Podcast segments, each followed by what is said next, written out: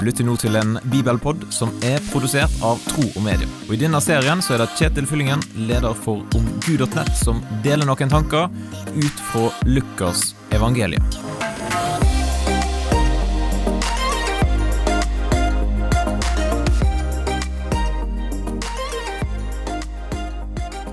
Når noen har gjort noe bra for deg, da er det ofte sånn at det er en glede å kunne gi noe tilbake.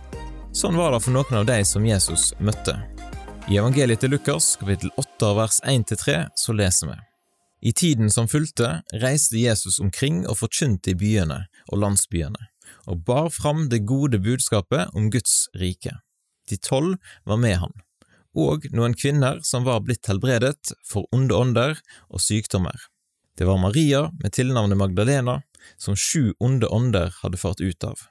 Johanna, som var gift med Kusa, en forvalter hos Herodes, og Susanna, og mange andre. Med det de eide, hjalp de Jesus og de tolv. Disse damene her hadde altså fått erfare hvor stor forskjell Jesus kunne gjøre. De hadde fått en forsmak på Guds rike, helbredelse ifra sykdom og frihet ifra vonde krefter. Og de var tydeligvis motivert for at flere måtte få den samme erfaringen og den samme opplevelsen. Derfor var de med og bidrog, de hjalp Jesus og disiplene. Hvordan er det med oss i dag?